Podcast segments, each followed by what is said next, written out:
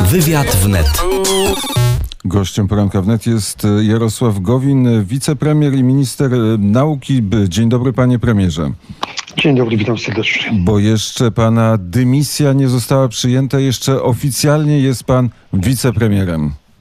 Jeszcze tak, został mnie pan redaktor w ministerstwie. Pakuje się, podpisuje ostatnie dokumenty, żegnam ze współpracownikami.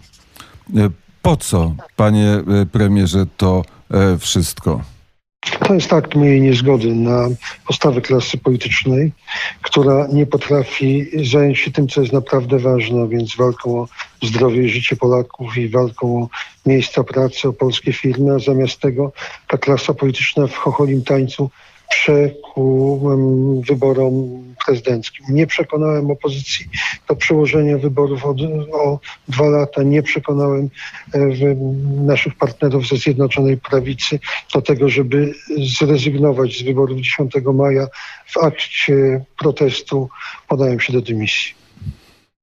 Czyli jest to niezgoda na postawę całej klasy politycznej, ale z tego, co mówi pan e, premier, wynika, że e, ta poprawka do konstytucji, która miałaby przedłużyć e, kadencję prezydenta Andrzeja Dudy o dwa lata, też już jest, należy do przeszłości. Nie, ona nie należy do przeszłości. Zostały zebrane pod nią podpisy, została e, złożona do marszałek Sejmu. Opozycja ma przez cały czas możliwość, aby się pod tym podpisać.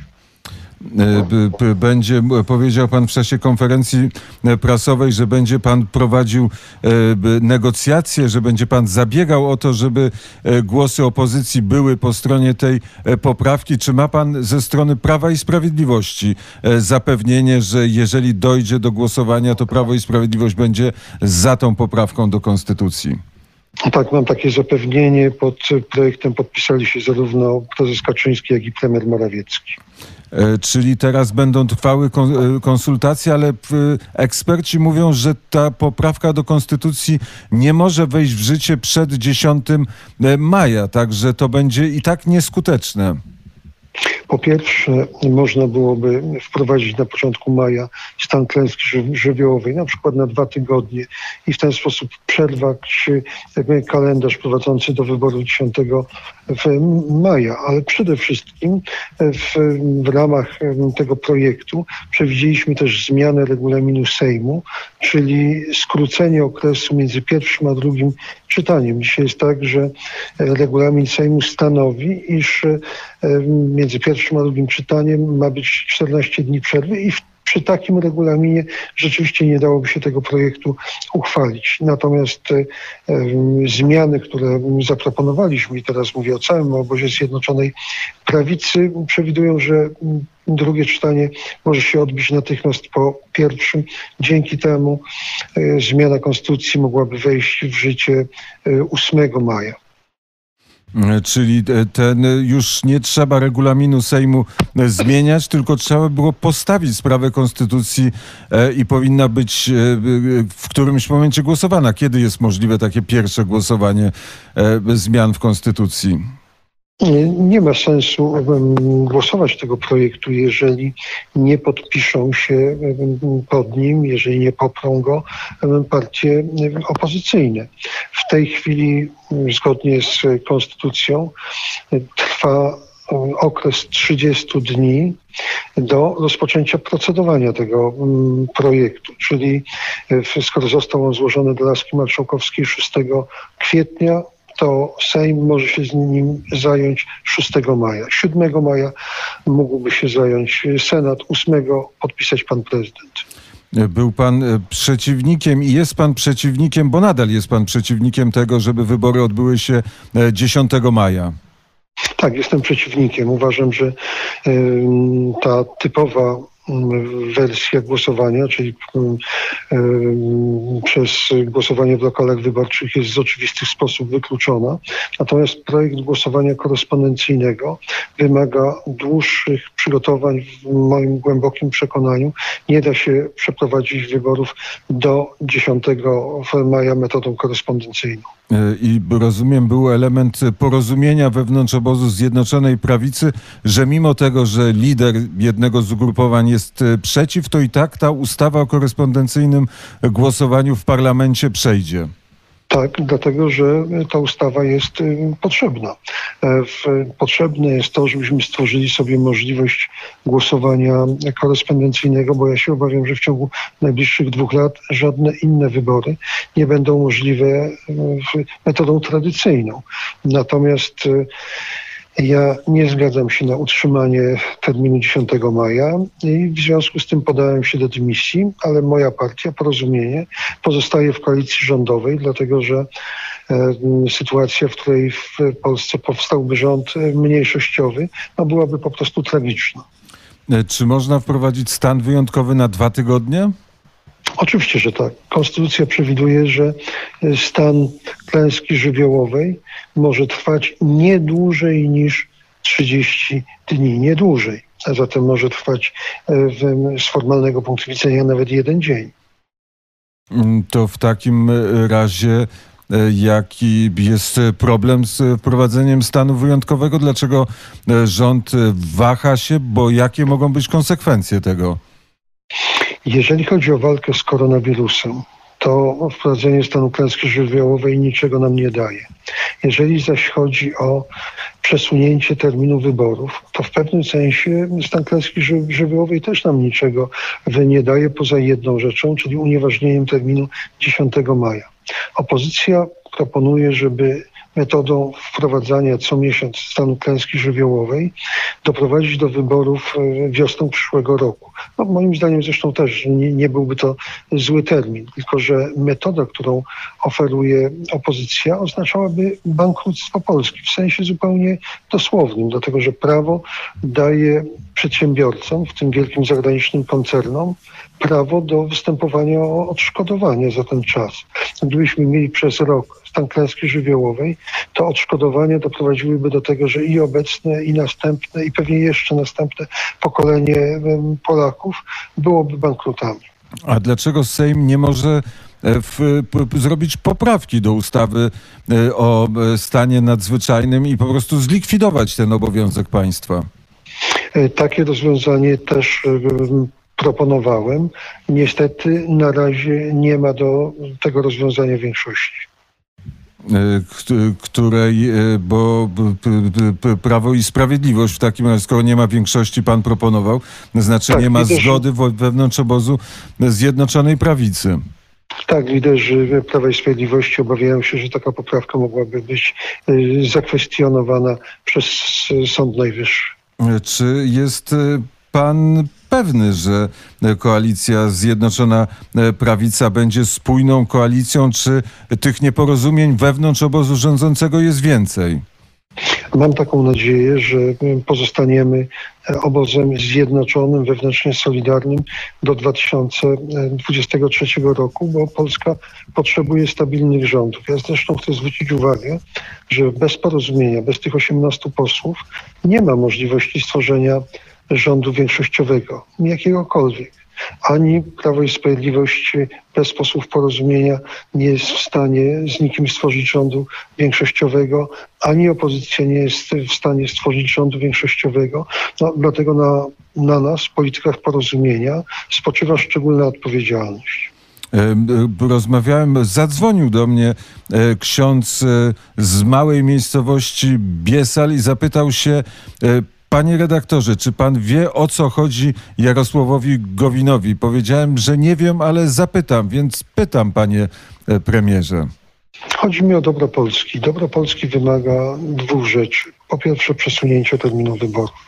I mówię to z pełną świadomością dramatycznego stanu rzeczy, jeżeli chodzi o epidemię i dramatycznych um, prognoz. 10 maja czy 17 maja, bo wczoraj się też taka e, koncepcja e, pojawiła. To jest czas, w którym e, epidemia będzie w apogeum.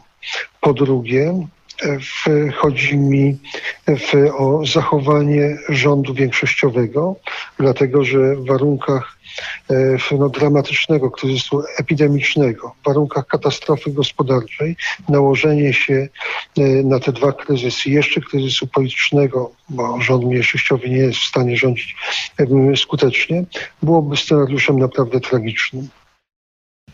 A skąd, y, panie premierze, wiemy, że epidemia będzie w apogeum y, właśnie na początku maja? To możemy prognozować w oparciu o w ekspertyzy czołowych, czołowych polskich epidemiologów, matematyków, informatyków. Taki zespół funkcjonuje przy Ministerstwie Nauki. Otrzymujemy regularne ekspertyzy. No i niestety one nie są optymistyczne. Druga połowa maja, początek czerwca to będzie prawdopodobnie właśnie to apogeum. Czy to e, oznacza, że wszyscy zostaniemy w tej kwarantannie aż przez następne półtora czy dwa miesiące? To nie jest możliwe, panie dyrektorze. To nie jest możliwe i na tym też e, polega dramatyzm sytuacji.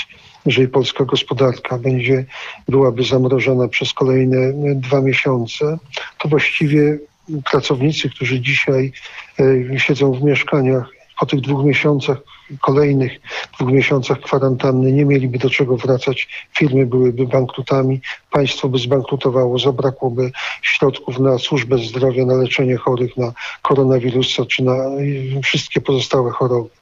To jeszcze pan premier może y, odpowiedzieć na pytanie jako e, wicepremier. Jak, kiedy rząd podejmie te e, pierwsze decyzje dotyczące zwolnienia przynajmniej części obywateli z kwarantanny?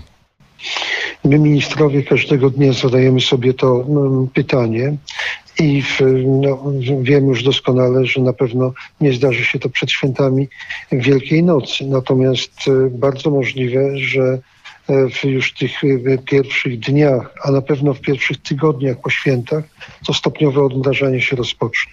A jak pan podjął i kiedy pan podjął decyzję o dymisji? E, nosiłem się z nią e, kilka dni. Do ostatniej, do ostatniej e, chwili liczyłem, że jednak uda mi się wypracować jakiś kompromis w obozie Zjednoczonej Prawicy. Ponieważ tak się nie stało, to wczoraj rano poinformowałem o mojej decyzji najpierw posłów porozumienia, a potem pana prezesa Kaczyńskiego i pana premiera Morawieckiego, z którymi spotkałem się w Sejmie. Jak to przyjął prezes Kaczyński? Miałem wrażenie, że był zaskoczony, no ale w, przyjął to jako fakt dokonany. A jak to przyjął premier Morawiecki? W identyczny sposób. Kto będzie wicepremierem?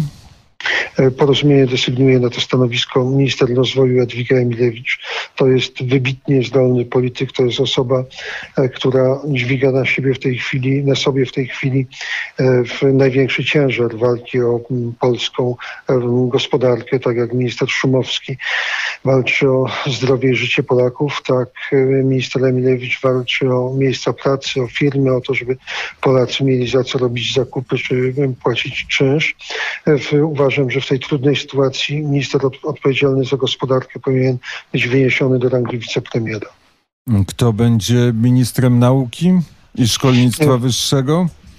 Porozumienie wkrótce desygnuje e, kandydata bądź e, kandydatkę. Oczywiście ostateczna decyzja należy do pana premiera Morawieckiego. Skoro przewidują matematycy, że apogeum epidemii będzie w maju, kiedy rząd podejmie decyzję na temat matur?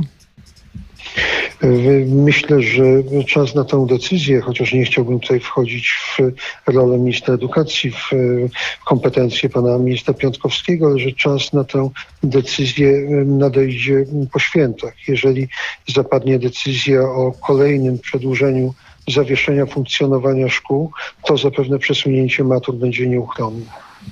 Jaka będzie przyszłość wicepremiera Jarosława Gowina, przyszłość polityczna? Będę przez najbliższe tygodnie przekonywał polityków wszystkich opcji do znalezienia bezpiecznego dla Polski sposobu przełożenia wyborów. Najlepiej przez zmianę konstytucji i przełożenie tych wyborów o dwa lata. Poza tym przez cały czas będę współpracował już teraz jako szeregowy poseł, ale też lider partii z grupami ekspertów. Będziemy proponować scenariusze realizacji tego, co nazywam drugim etapem wychodzenia z epidemii, czyli właśnie przygotowywanie polskiej gospodarki polskiego państwa na powrót do e, stopniowego, aktywnego funkcjonowania. Jeżeli to e, się nie uda, jeżeli projekt głosowania korespondencyjnego wróci do Sejmu, e, to będzie pan za czy przeciw? To będę podejmował decyzję wraz z moimi współpracownikami, taką, którą uważam, uważał będę wtedy za najlepszą dla Polski. Los e, tego projektu jest w rękach posłów porozumienia. To jest, e, to jest e, prawda, to jest też taka broń w rękach posłów porozumienia. Nie traktowałbym tego w kategoriach e, broni, bo to brzmi jak e, pogróżka. Traktuję to w kategoriach odpowiedzialności za Polskę. To od nas będzie zależało, czy ta ustawa wejdzie w życie i w związku z tym to my zadecydujemy, czy głosowanie odbędzie się 10 maja, bo inne głosowanie niż korespondencyjne z oczywistych względów nie wchodzi w grę.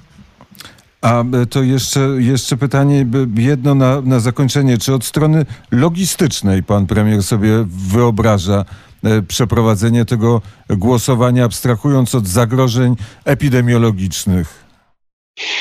W, od strony e, logistycznej wydaje mi się to do 10 maja niemożliwe. Czego panu życzyć? Tego, żeby opatrzność czuwała nade mną w momencie, w momentach podejmowania kluczowych decyzji, żeby to były decyzje, które służą wyłącznie dobru Polski. Bardzo e, dziękuję za e, rozmowę. Dziękuję bardzo panie redaktorze. E, wszystkich państwa serdecznie pozdrawiam. Jarosław Gowin wicepremier i minister nauki, chociaż podał się do dymisji e, i wnet ta dymisja zostanie przez prezydenta RP e, przyjęta. Wspieram.to ukośnik JP2 to jest adres, e, pod którym mogą Państwo wspierać Radio Wnet. Wyruszyliśmy w drogę z Janem Pawłem II, ale na tej drodze stanął koronawirus. Poprosiliśmy Państwa o wsparcie akcji Poznajcie JP2 i ta akcja będzie kontynuowana. Ale teraz prosimy, żeby Państwo wspierali również Radio Wnet. Wspieraj.to ukośnik JP2.